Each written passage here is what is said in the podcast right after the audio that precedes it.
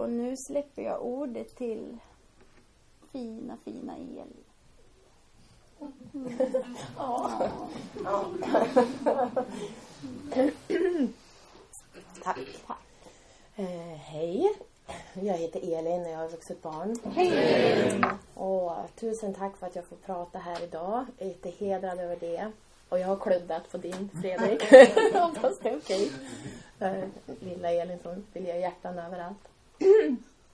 Mm. Och gud, så hjärtat slår så mycket så det känns som jag sitter så här.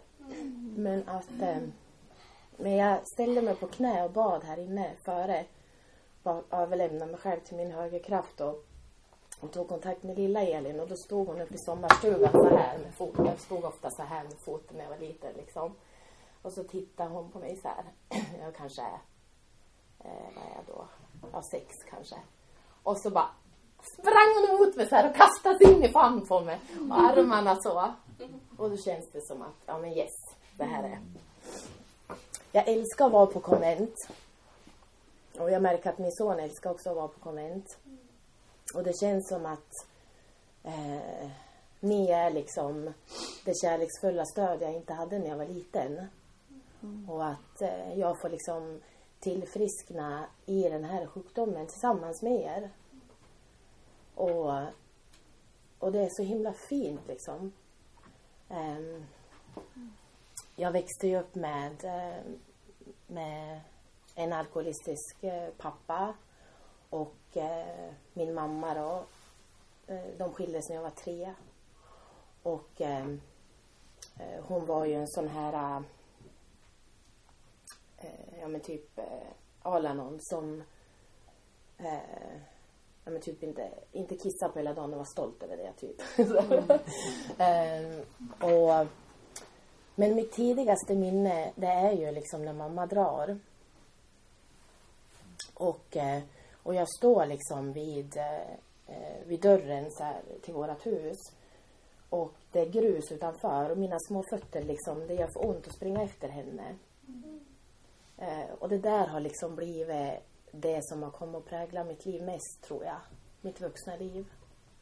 För jag tror jag bestämde mig eller fattade där någonstans att eh, jag duger inte liksom. För vilken mamma lämnar sitt barn så? Jag fattade inte liksom. Och, eh, och, och, och, jag har alltid velat liksom att hon bara ska sitta och prata med mig. Jag kommer ihåg det så här, jag ville bara att hon skulle prata med mig. Sitta ner och prata med mig. Eh, men jag vart ju kvar med pappa i alla fall då. Och eh, eh, och jag förstår liksom, eller jag kommer ihåg så här hur det måste ha varit så läskigt för mig som litet barn. Att mamma försvann och så var jag kvar med pappa då som vann mig i rätten. Det var liksom, eh, han ville absolut ha mig.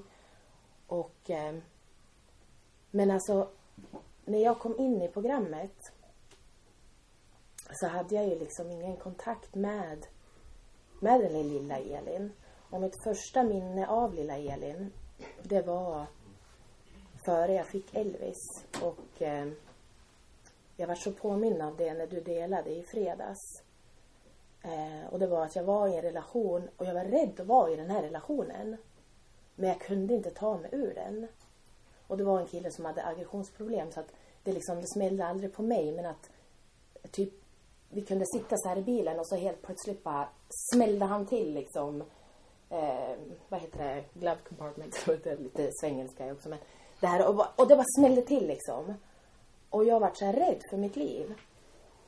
Eh, och, eh, och jag kunde inte ta mig ur den här relationen och jag förstod någonstans att jag behövde göra det. Och, eh, och då ringde jag till en kvinna i, eh, utanför Härnösand i Älandsbro. Och hon sa, hon sa så här, men Elin sa, hon sa så här, varför ringer du mig? sa hon. Ja men jag är i en relation, jag kan inte lämna den. Hon var typ en sån här eh, healer kvinna. Och hon sa det, men Elin sa hon, vad har du för relation till din pappa liksom? Och så berättade jag, men jag har vuxit upp med honom i alkoholistiskt förhållande så liksom. Hon bara, men det här handlar om honom. Gå på, börja gå på vuxna barn. För hon kunde inte hela mig för hon hade ont i armen eller vad det var. Hon hade någon problem med armen. Och då började jag gå på vuxna barn i Härnösand. För det fanns inte i Sundsvall då. Och, och det hände grejer vet du. Och jag försökte bryta mig loss från den här relationen, jag kunde inte. Och jag försökte bryta mig loss, jag kunde inte. Och så hade jag sagt bara, nej men nu är det nog liksom. Nu ska vi inte vara tillsammans så. Och så sen kom han hem till mig. Och så låg jag på soffan liksom. Och så skulle han kyssa mig. Och då såg jag Elin där, lilla Elin. Hon bara stod och tittade på mig som att, vad gör du liksom? Vi skulle, oj, förlåt. Det är därför jag har med mig allt sånt här. Jag kan jag gör det där ja. Tack Maria. Och, och, och liksom... ehm, och det är väl det liksom. Jag har ständigt kört över mig själv här inne. Ehm, men i alla fall det hände lite grejer då. Jag kunde liksom eh, ändå bli fri från den här relationen liksom. Och, eh, men det var i alla fall min tidigaste kontakt. Gud, tack Maria. Det är svårt att låta någon hjälpa en så här handgripligt. Ja. Men jag kan ta emot hjälp idag. Ja. Eh, eh, Men i alla fall då så eh, jag växer ju upp i det här hemmet liksom och eh, min eh, eh, jag har tre systrar också. Och en syster eh, bor med min mamma och så är vi tre stycken som bor med pappa då. Och jag är en liten sladdis liksom. Eh, men att eh, jag blir väldigt tidigt liksom eh, duktig så. Stryker pappas kläder när jag är liten. Eh, och han hade en tjej när jag, när jag var sex år och eh, jag trodde liksom att det var normalt hur han agerade, pappa liksom. Han var ju jättegod och glad och snäll och så. Men sen när det kom till en viss punkt så vart han arg. Jag kommer ihåg att han låg och spydde på gräset när vi var nere på någon sommarstuga, semester så vid västkusten. Men jag trodde att det var, det ska vara så liksom. Och så lovade han mig en hel säck med godis, alltså en hel påse med godis från macken. Och jag trodde på det. Hel säck med godis. Kan du tänka dig? Man är sex år. Men jag fick ju ingen säck med godis. Jag var jättebesviken. Ehm, Men jag trodde att det var normalt så. Men så tog den här tjejen mig, hon var polis. Och så skulle vi gå ut och gå. Och så berättade han för mig för första gången då liksom att Elin, vet du, din pappa är alkoholist. Och pff, då var det skamligt.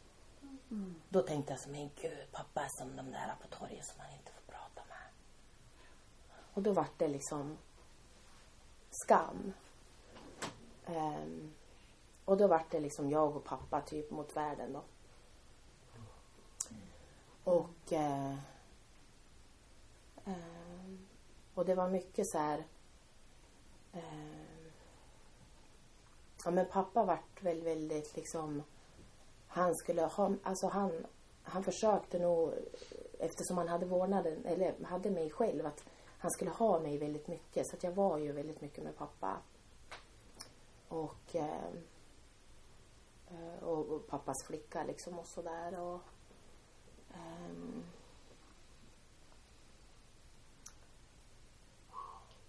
eh, och sen när jag var nio år då träffade han min lillmamma då. Och hon hade också problem med alkoholen. Och det där kommer jag ihåg, det vart jätteknepigt. Han träffade henne på dans.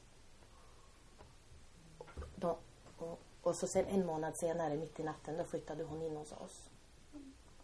Och då hade jag liksom sovit i pappas säng för jag var rädd för mörkret och jag var liksom very scared. Då fick jag börja sova i egen säng. Och hon vart min lillmamma. Och hon var också, eh, drack liksom och eh, eh ja, det är typ där jag kommer ifrån om man säger så. Men i alla fall då, eh, tidigt då, så började jag hitta liksom Alltså jag kan inte komma ihåg liksom att jag har haft någon sån här nära relation när jag var liten. Det, det närmaste jag kan komma ihåg det är när syrran skaffade en liten border terrier som jag var hundvakt till. Och han hette Index. Och fasen var jag kär i den där hunden. Och jag hade han några veckor tror jag. Men när jag kom hem från skolan då låg han och väntade på min säng. Alltså han, det vart liksom han och jag. Och i mitt stegarbete så kom det upp liksom att det var den där nära relationen. Då var jag så ledsen. Men i alla fall så eh, men, men till och med typ bästa kompisar liksom vart jag som sveken av. Jag kommer ihåg jag hade en bästa kompis och, och, eh, och jag kommer ihåg liksom att hon cyklade iväg från mig med en annan tjej. Och jag förstod inte varför. Jag försökte cykla ikapp liksom. Men, och jag vet inte varför de inte ville cykla med mig. Men jag kommer ändå ihåg sådana här situationer när liksom jag vart som sviken av både, föräld, både mina kompisar då och deras föräldrar. Jag har fått mycket så här hårda ord liksom som jag gjort. Det har blivit min sanning. Um, Alltså, och pappa gjorde ju så gott han kunde liksom. Han, eh, vi, vi åkte och handlade typ vinterkläder eh, en gång eh, på året och så sommarkläder en gång på året. Men jag hade liksom ett par och det tror jag så här i, i vuxna barn. Det har varit så himla fint. Det här att och se liksom att jag som barn var helt fantastisk. Alltså alla vi som sitter där inne, vi är ju helt fantastiska. Men de här reaktionerna från osunda människor vart ju det här som gjorde att jag trodde liksom att ja, ah, det är något fel på mig. Och jag kommer ihåg att jag hade ett par, eh, vad heter det, strumpor, byxor som var jättehåliga. Men jag trodde det skulle vara så. Och jag hade inga fler, jag hade ett par strumpbyxor. Och så var vi hälsade på en kompis och jag skulle sova över där och då hade vi lekt i snön så hennes mamma hängde upp de där strumpbyxorna på ett element. Och jag såg de där strumpbyxorna och jag trodde att det var hennes. Min kompis. Och jag kände bara, ja! Det är fler som har sådana strumpbyxor. Sen såg jag hennes mammas ögon. Det här att, men vad skamligt. Att jag hade sådana trasiga strumpbyxor. Och då förstod jag, ja men det är ju något fel. Så såna här grejer liksom har ju typ skapat mig och jag kom in, eh, eller vad ska jag säga, jag hittade pojkvänner tidigt då för att typ det var så fint igår för att när jag fick eh, vara med barnen här eh, så fick jag ju inte vara med och höra delningarna så här. Men det var så fint för då kom en del in liksom i barnrummet och återkopplade till mig lite grann och delade om så här. Och, så jag fick, jag kände jag har ändå fått vara med. Och det var någon som sa att, eh, ja men det här att man hittar en kille och man tycker om hans familj och det får bli ens trygghet liksom. Eh, så jag hade ju, eh, hittade ju som relationer typ och familjer och det alltså överlevde så ett tag. Men det var verkligen som att jag inte hade kontakt med mig själv. Och jag var väldigt... Alltså jag levde mycket för vad ni skulle tycka om mig. Jag, jag gjorde typ det ni... Men gud, välkommen till dig som är här för första gången. Um, är Loke här då? Nej. Nej. Förlåt, nu sa jag ett namn. Ja, det kan ju vara vem som helst. Eh, jo, men i alla fall så eh,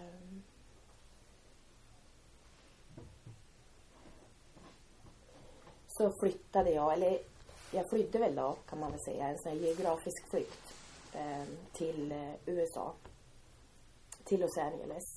Och jag hade liksom en hemlig dröm att bli skådespelare. Men jag vågade inte säga det hemma utan jag tänkte att ja men det, det åker man till Los Angeles och gör. Ja. Mm. Eh, och, eh, och när jag hade bott i Los Angeles bara typ två veckor så såg det precis ut som hemma. Jag tog ju med mig själv. så. Och grejen var den att jag utvecklade ju också eh, alkoholism. Eh, och eh, eh och så var jag ju anhörig också liksom. Och, eh, så i, i Los Angeles så eh, jag gick på teaterskola. Jag fick liksom eh, bästa betyg. Eh, det gick jättebra verkligen. Och eh, och jag eh, gick, tog studenten om man säger så. Den enda som tog studenten i min, i min klass. Det var ett hårt program. Och eh, när jag då tar studenten så träffar jag en kille som äger en bar. Och eh, jag börjar jobba på bar också. Så det var ju verkligen halleluja kan man säga. Och, eh, men det var väldigt bra. För på tre år så nådde jag min botten i eh, alkoholism. Och eh, 2002 så kom jag med i Alanon då. Mammaprogrammet. Och där fick jag landa mjukt med min alkoholism och mitt vuxna barn. Och det var så kul när jag fick läsa historien till ACA. Därför att jag kommer ihåg när att de satt på Alanon-mötet och satt så här va, med, med mötes, eh, mö, mötesschemat. Och så satt de så här. Nej, den där gruppen tillhör inte oss längre. Och så bara, varför inte då? Nej, för de har brutit sig ur. alltså, det kom till mig när jag låg i natt och hostade liksom. Eh, att jag kommer ihåg att det var det där lite grann. Och jag kommer också ihåg att jag gick på ett vuxet barnmöte och jag kände bara, gud vad hemskt. Jag var inte redo. Eh, och efter två år så kom jag ju på att jag var alkoholist. Så jag har varit nykter då sedan 2004. Grattis! Och jag har jobbat stegen i Alanon och AA och eh, jättemånga gånger. Eh, och, men alltså det var ju det här liksom. Jag träffade också eh, en, jag var gift där också med en alkoholist. Eh, och så träffade jag här i, i Sundsvall då min, min sons pappa. Och vi var båda nyktra. Och på en månad så flyttade vi ihop, vart gravida och eh, blev tillsammans. Ja. Eh, och det var helt underbart. Eh, alltså, det var väl det enda gången jag inte har gjort vad min sponsor sa. Eh, för hon sa, för han hade ett halvår nykter och hon sa så här, Elin! Och hon bor i USA så hon sa, Elin! You're not dating a newcomer! Och två veckor senare så bodde han hos mig. Men det var det finaste jag har gjort för att, för det, från den kärleken liksom. Och det var det här, pappa sa alltid till mig när jag var liten. Att han våldtog mig på hallgolvet. Nej, inte mig, förlåt. Fel, fel. Han våldtog mamma på hallgolvet och det var så jag var till. Och jag kände alltid att, men gud vad hemskt, jag kommer inte från kärlek. Och jag ville ha ett barn från kärlek. Mm. Eh, så vi var jättekära eh, och Elvis kom till. Mm. Och jag trodde länge det här liksom att vad hemskt att jag kommer från den där händelsen. Och jag vet inte, skulle jag prata om sponsorskap? Men i alla fall, i det här att sponsra så var jag hemma hos en tjej som jag sponsrade i AA. Och i hennes hem så hade hon en meditationsbok. Och då öppnade jag den där boken. Och så stod det så här i boken. Då stod det att det är Gud som har skapat alla barn. Vi kommer alla från Guds kärlek. Mm. Och pang så förstod jag ju. Det var inte, det, jag kom inte till från den där händelsen. Men det var liksom ändå genom sponsorskap. Um, och um, um, i alla fall så fick jag eh, Elvis, vi fick Elvis och ehm, eh, satte liksom, försökte att sätta familjen först så. Och eh, och eh, och sen hände det ju liksom det som inte får hända. Men, men eh, min sons pappa då, han har hörlurar, på sig nu. Men han tog ett återfall. Och eh, han var liksom lite in och ut på, på behandlingshem och så här. Och, och han ville liksom separera från mig. För så han bör kunna tillfriskna. Jag går inte in på hans eh, gebit så. Men för mig då, för då var Elvis tre. Och när han åkte in på behandlingshem, då fick jag ett paket på posten. Och jag älskar paket. Jag vet inte vad ni har för kärleksspråk, men jag älskar paket. Och jag tänkte kanske en ny väska eller någonting. Så. Och det var vuxna barnmaterialet som jag fick mm. av min sons pappa. Och i samma veva öppnar Vuxna barn. Salam drar igång Vuxna barn-mötet här i stan. Det här är för ungefär två år sedan. Och eh, Och det var verkligen som att Alltså det var så mycket som skedde parallellt. Min egen, eh, ni vet, trauma från från att ha förlorat mamma eh, och eh, de skildes. Och så sen nu ska jag själv liksom separera med en treåring. Och jag kände så här bara, nej! Varför sker detta? Kommer allt att ske som jag har varit med om? Kommer det att ske? Med stor skillnad. För jag var i programmet med alla er. Och i och med att jag fick det hjälp och stöd jag behövde kunde även jag helas och hjälpa Elvis. Jag kunde säga till Elvis här, mamma är här. Du är trygg. Vi är inte ensam. Jag kunde ringa de som hade gått före. Jag varit med i en steggrupp. Och det var Gud då. Jag kommer på ett A-möte då, så ligger det en liten lapp där på efter vuxna barnprogram eh, och haft möte på måndagar. ligger en lapp. För jag tänkte så här, men jag behöver inte vara med i en stegrupp. Kommer jag på A-mötet så ligger det en liten lapp där på bordet. Vill du vara med i en steggrupp? Ring mig. Va? Framför mig? Så det är precis som att Ja, det är så fint. Alltså jag älskar att vara ett vuxet barn, verkligen. Det är så fint. Och så här i efterhand kan jag säga, det var så fint att min sons pappa ville separera från mig. Därför att när han drog iväg och jag visste inte var han var. Han var ganska så här, du vet, prata om att eh, ta liv av sig. Han var väldigt så här liksom. Och jag ringde min sponsor och hon sa så här, Elin, ingen man kan hela dig. Låt Gud hela dig. Och hade vi fortfarande varit ihop hade jag haft så fokus på honom. Och jag behövde vara själv, få helas av Gud. Eh, Och jag tänker det är så fint där med Salam. Han sa till mig så här någon gång. Med sponsors, sponsorskap i vuxna barn så kan vi bara kom, vi kan bara vara kärleksfulla. För vi är så van det här arga, det här äh, gör så här eller så där får du inte göra. Det är vi van vid. Men det här kärleksfulla, han sa det är bara kärlek.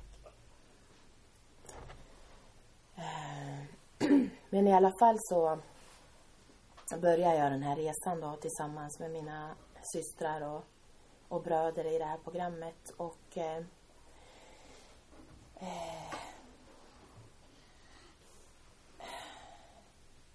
och det var verkligen så här, alltså jag, jag kommer ihåg att jag satt på möten ibland och det var som jag ville kräkas, jag ville springa därifrån och jag ville liksom, ja, åh, alltså det var som att Alltså modet som vi har att möta det här, det är liksom lejon. Det är, det är lejonmod allihopa. Det är verkligen, vi är, vågar gå liksom i, i, i krig. Och jag var på de här vuxna barnmötena och jag bara bröt ihop. Och så sa Salam till mig så här, men gud vad bra!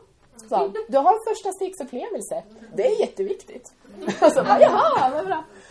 Eh, men i alla fall så eh, och, och, och då vart jag så glad för att det var så här med mig.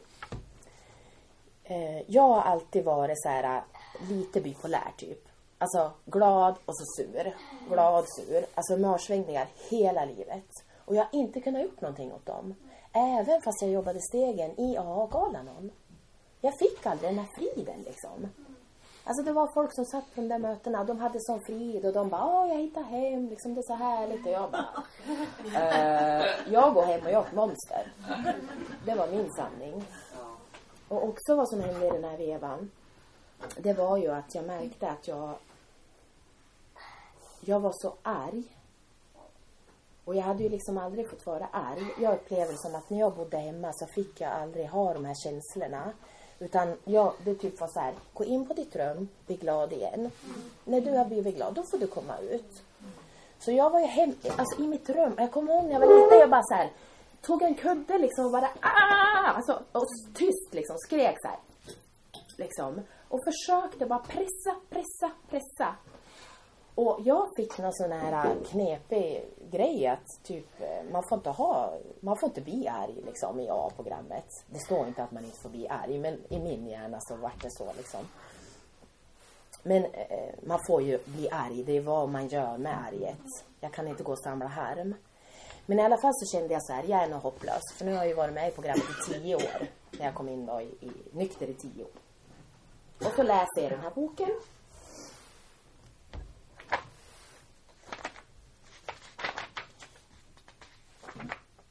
Och så står det så här i boken, så står det så här.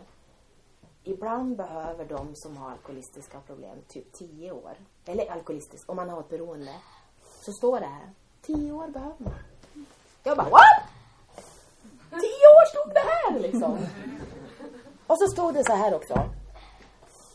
Du kan inte bli fri från de här beteendena före du har gjort det här. Och igen kände jag bara, ja!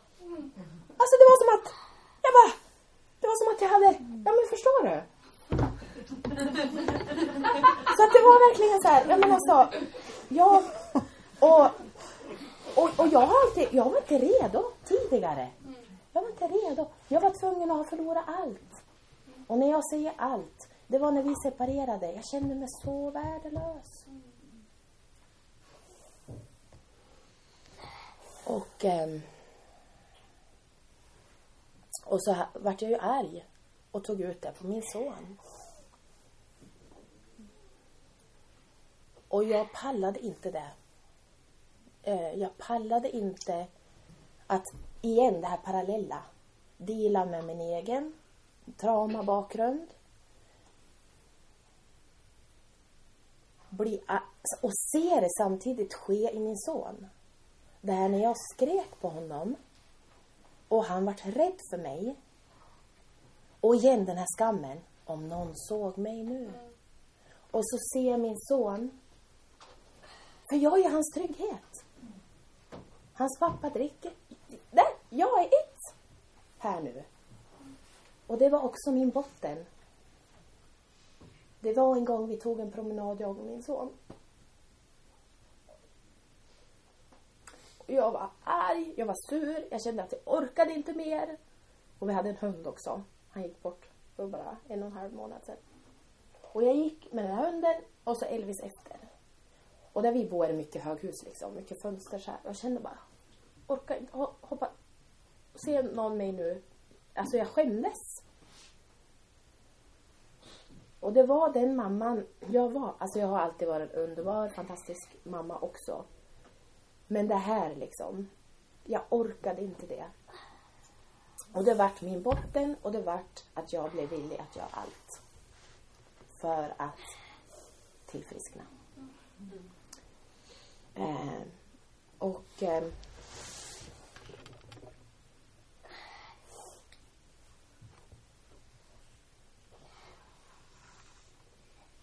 Och det här var jättejobbigt.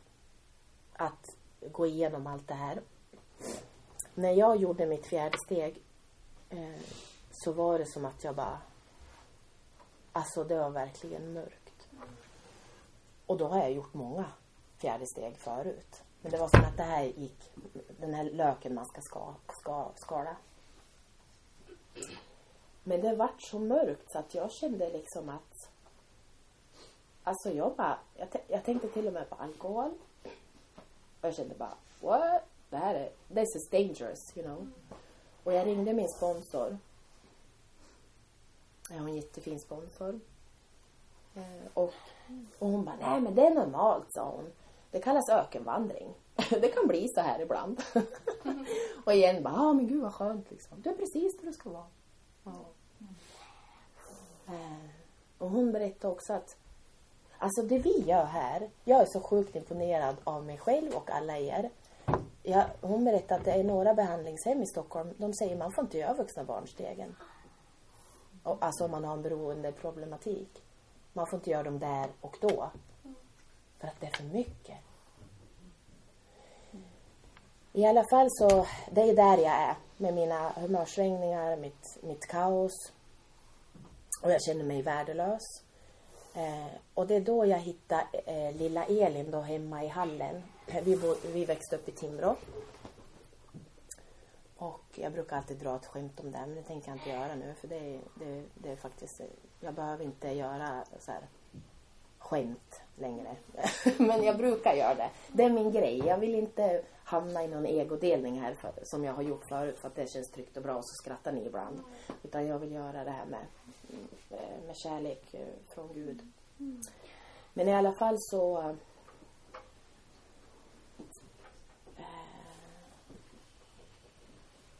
Och nu tappar jag bort mig.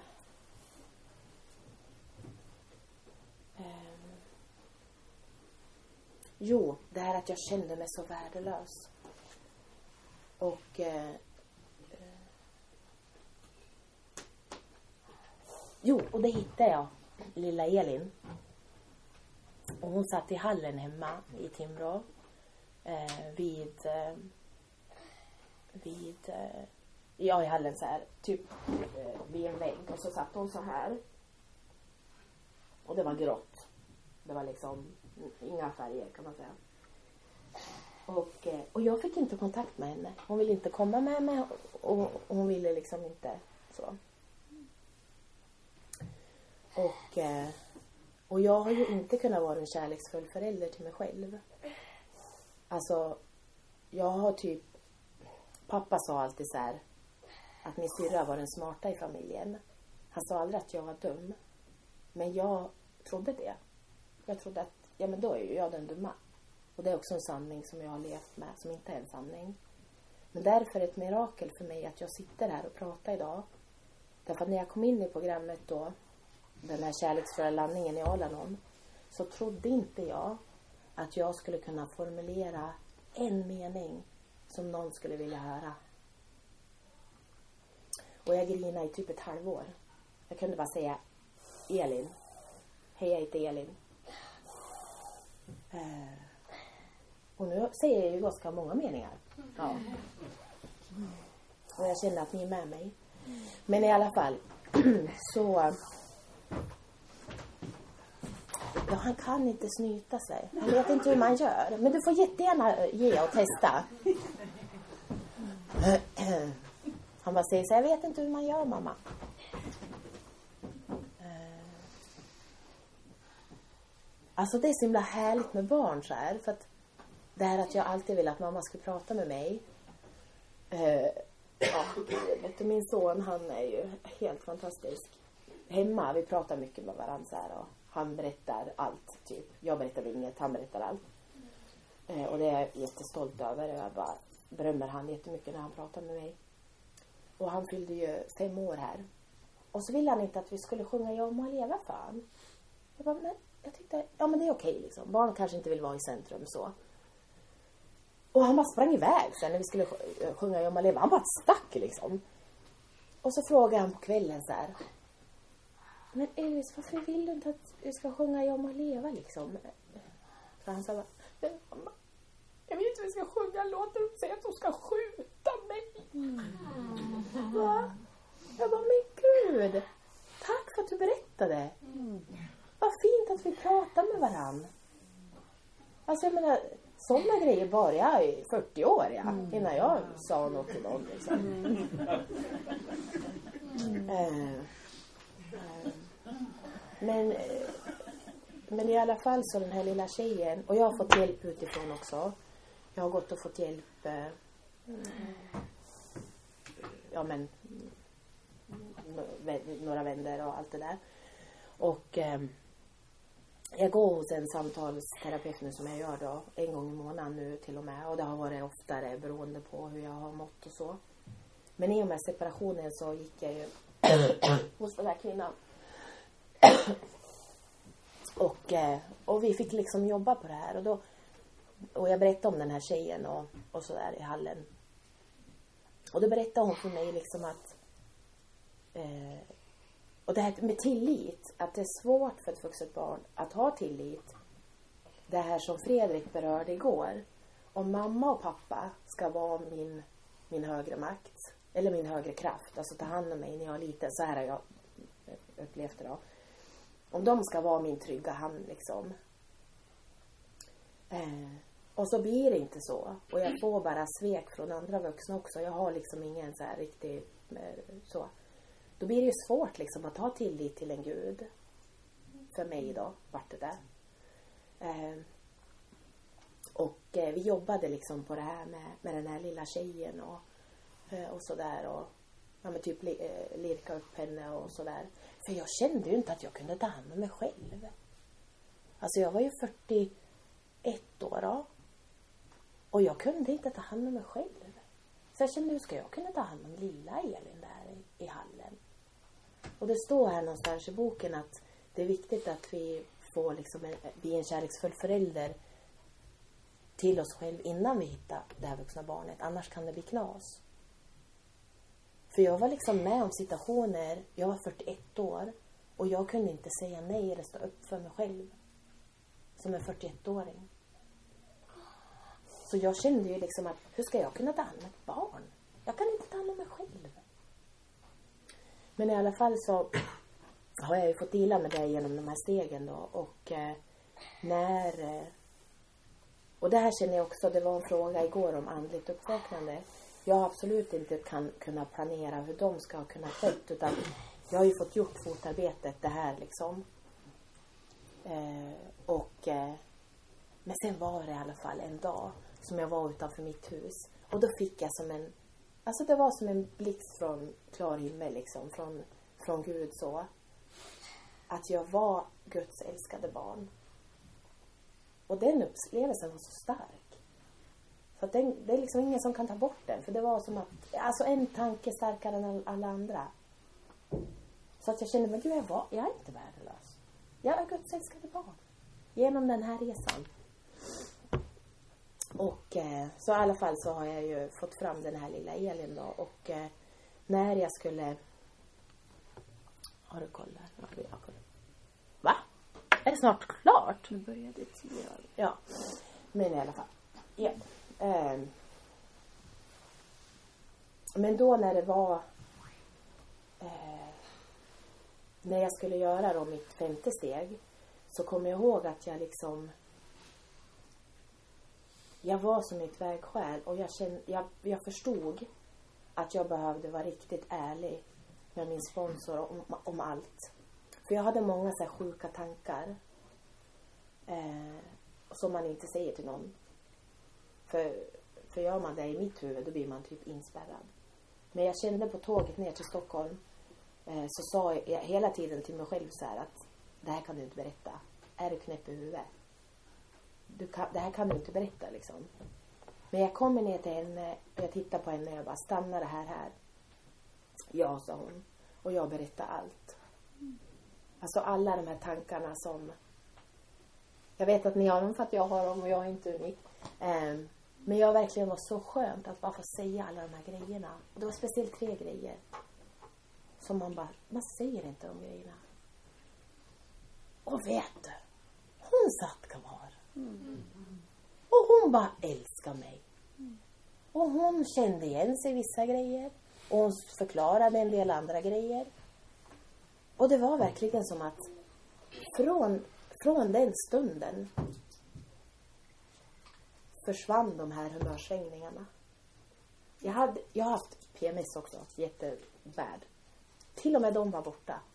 I typ två, tre månader. Det var verkligen så här frid. Så skulle jag göra eh, åttonde och nionde steget. Och, eh, och jag har aldrig kunnat liksom förlåta mig själv så.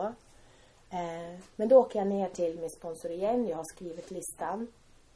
Och så läser jag den till henne eh, där i Stockholm. Och då kommer det upp lite andra grejer. Som jag vågar berätta om. Det här att jag inte kan ta hand om mig själv. Alltså, när jag kom in i programmet. Jag fixade inte att hålla liksom riktig så här hygien. Och jag skämdes så sjukt över det. Men jag var så maktlös. Och så skulle jag sitta på möten liksom. Och jag skulle sponsra kvinnor i annat program. Och så kände jag så bara, fan jag har inte tvättat håret på en vecka liksom. Eller det är många som tvättar håret en gång i veckan. Men alltså förstår ni? Mm. Ja. Bara den känslan av att men jag har inte lärt mig det. Lärt mig. Och jag vågade berätta för henne. Jag är 42. Det var jag 41 då. Skitsamma. I alla fall. Då sa hon till mig så här. Som en gottgörelse till dig själv så får du skriva ner i kalendern att du behöver tvätta håret varannan dag. Ända fram typ ett halvår. Skriv in det i kalendern nu. Ända till, för det behöver bli en vana för dig. Jag tvättade håret igår. Mm.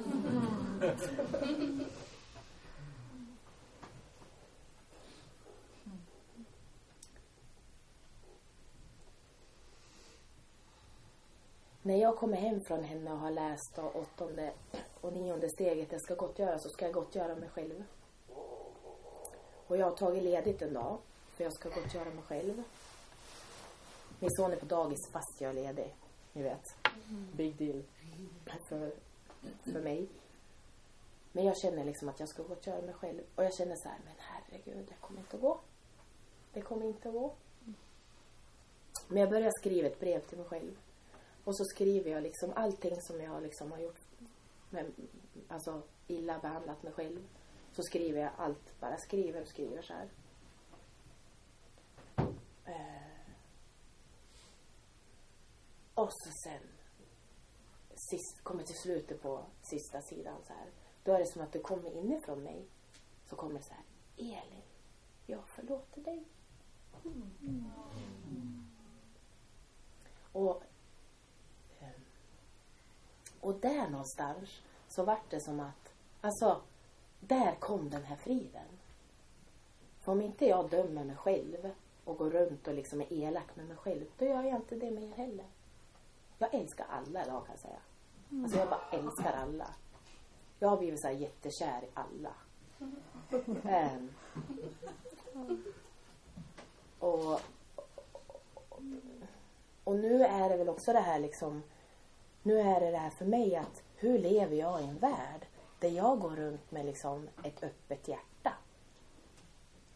Hur gör man det? Mm. Men då får jag ju lära mig den här processen då, bli min kärleksfulla förälder och, och fortsätta jobba den här resan liksom. Jag skulle inte ha så mycket att göra med konventet till exempel. Men det vart så. Mm. Och en grej som hände med Salams bortgång det var att jag vet inte vad det var som hände då men typ han gick bort samtidigt som min hund. Och eh, min hund har ju varit den här ovillkorliga kärleken liksom i mitt liv så. Och han gick bort. Det var verkligen som mitt hjärta bara gick i tusen bitar liksom. Men sen var det som att mitt hjärta gick sönder så att kärleken kunde komma in där på något vis. Och, ehm, och jag har aldrig trott, kunnat våga trott att ni vill ha med mig att göra för att ni bryr er om mig och älskar mig. Jag har inte kunnat tro det från min mamma. Jag har inte kunnat tro det från vänner. För jag har alltid tänkt, nej men, nej men hon vill nog bara vara med mig för att, ja, typ. Ja men alltså jag har aldrig kunnat tro det. Och det är först nu sen vi började planera det här konventet, jag kom med på slutet. Men då känns det som att, jag vet inte vad som hände men det var som att jag slutade tänka och bara fick kraft att åka. Och, och så började jag fatta liksom att Alltså det är helt otroligt liksom. Mamma älskar mig. Fast, alltså hon är ju, men alltså jag har fått känt att hon älskar mig faktiskt. Och så börjar jag också lita på liksom att, ja men ni älskar mig. Mm. Inte för att ni vill eh, något konstigt med mig utan för att, ja men jag är jag.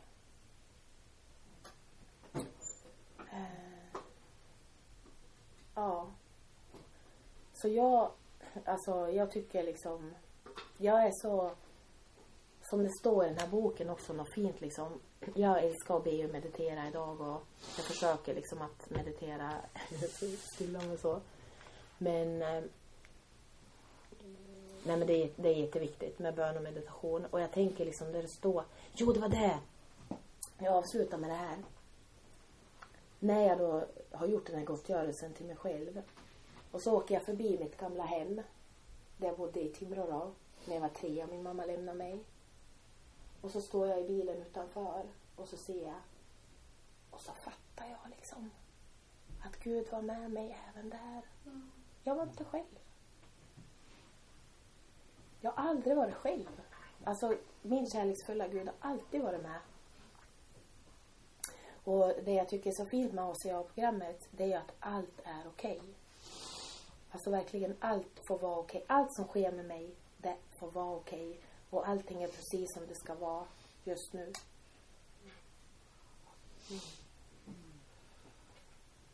Och jag älskar er. Alla.